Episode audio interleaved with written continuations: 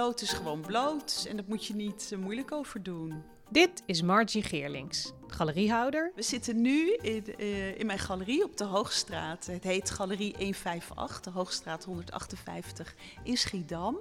En kunstenaar. Ik heb kunstacademie gedaan met als specialiteit fotografie. Toen studeerde ik af met een serie foto's. Ik had uh, ja, een soort jurkjes van vlees gemaakt. Ik was heel erg bezig altijd met het menselijk lichaam. En ook de tijdelijkheid van het lichaam. En eigenlijk uh, maakte ik na mijn afstuderen, uh, tijdens mijn studie verloor ik mijn moeder en mijn zusje. En ben ik eigenlijk weer heel anders naar mijn lichaam gaan kijken. En ook de maakbaarheid van je lichaam. Margie Geerlings klimt op een stalen trap die in haar atelier staat. Duikelt een boek op dat bovenop een kast ligt en wrijft het stof eraf.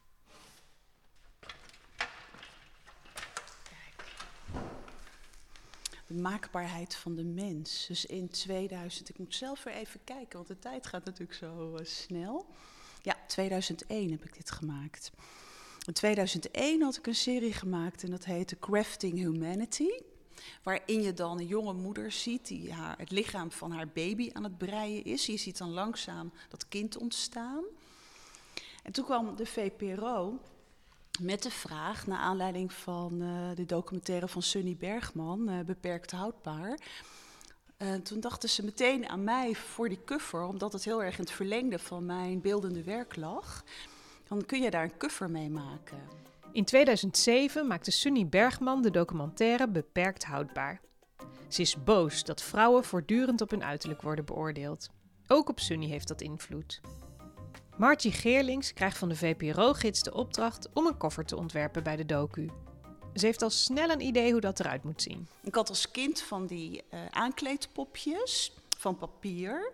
Waardoor je dan iedere keer dat poppetje andere kleertjes aan kon trekken. En je dan ook een soort andere identiteit bij, uh, ja, bij dat vrouwtje of mannetje zag.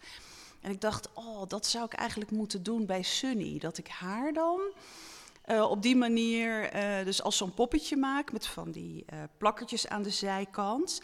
En dat ik dan alle onderdelen die je aan jezelf kan veranderen, dat die eromheen zitten. Dus dat je haar helemaal perfect kan maken, waar die documentaire over ging. En wat wel chockerend was, was dat. Ehm, dat wist ik nog niet, dat er ook vrouwen hun schaamlippen, schaamlippen liet corrigeren. They want to look like that, or they want that playboy look. Is dit dan waar vrouwen zich gaan spiegelen? Dat is toch geen vagina? Er is helemaal niks meer. Helemaal gefotoshopt. Alle onderdelen heb ik ook uh, bewerkt. Dus die zijn ook mooier gemaakt dan dat ze waren. Dus het oog is net wat mooier gemaakt. De lippen, mooie benen, hele mooie billen. Een prachtige hoge neus. Uh, mooie borsten die hè, mooi naar voren kijken. En, en dan ja, weer een meisjesvagina. Dat vrouwen, daar, dat was voor mij trouwens wel. Dat vond ik dan heel raar. Dat vrouwen weer een soort kindervagina willen hebben. Dat vond ik een rare tendens toen. Weet je wel, ik heb zoiets van. Dat is ook weer zoiets. Weet je wel, dat op een gegeven moment schaamhaar en okselhaar ook niet meer kon. Volgens mij is het nu weer een beetje over, hoop ik. maar dus ik, ik, dat heb ik dan ook gedaan toen, omdat dat toen de tendens was in 2001 en haar documentaire daarover ging. Uh, dus een perfecte vagina afgebeeld. En dan ja, nog een paar beentjes.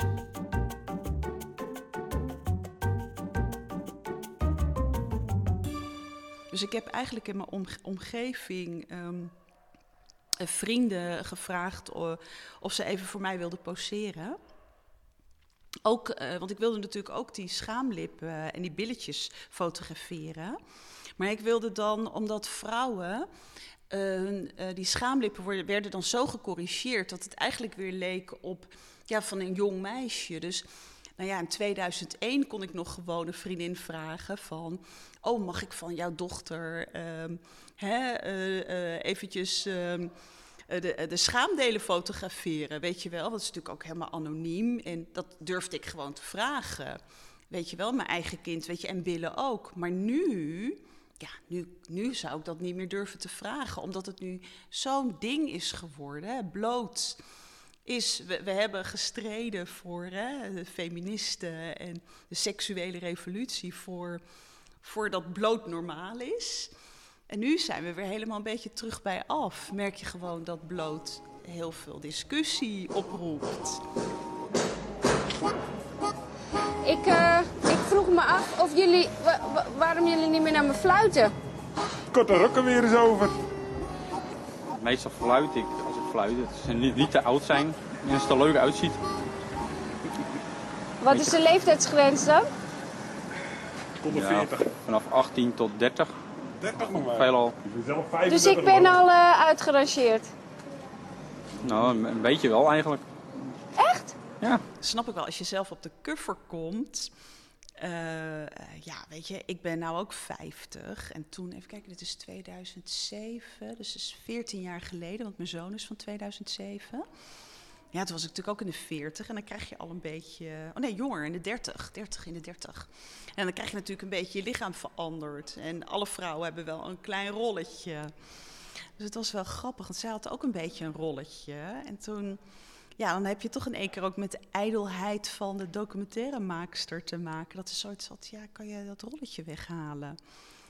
En ik vond eigenlijk dat ik dat niet moest doen, omdat juist die documentaire erover gaat. Dat je eh, eh, alles perfect aan je maakt. Het is juist goed dat je dan laat zien dat, je, dat geen enkele Nederlandse of bijna geen enkele vrouw perfect is. Dus dat was, ik heb het wel gedaan, maar ik denk dat zij nu zelf er ook anders naar zou kijken. Van, eh, god, dat hadden we gewoon moeten laten zitten. Zij is eigenlijk ook weer net als die vrouwen in die documentaire die zij maakte. Dat, je, dat ze toch ook ehm, gevoelig is voor ehm, ja, wat schoonheid is. Weet je, het is natuurlijk raar. We hebben allemaal dan, weet je wel, we veroordelen dan mensen die eh, op kinderen vallen. En dat is natuurlijk logisch, dat moet ook. Maar ik bedoel, het is dan wel weer raar dat we ons schaamhaar dan weghalen en dat het dan weer heel kinderlijk eruit gaat zien. Dus het is raar, vind ik. Wat ik, ik vind jammer nu die verpreutsing die er is. Laten we gewoon ehm, daar weer gewoon over doen. Normaal over naakt. Wil je meer weten over bloot op de cover van de VPRO-gids? Lees dan het verhaal op vprogids.nl slash bloot.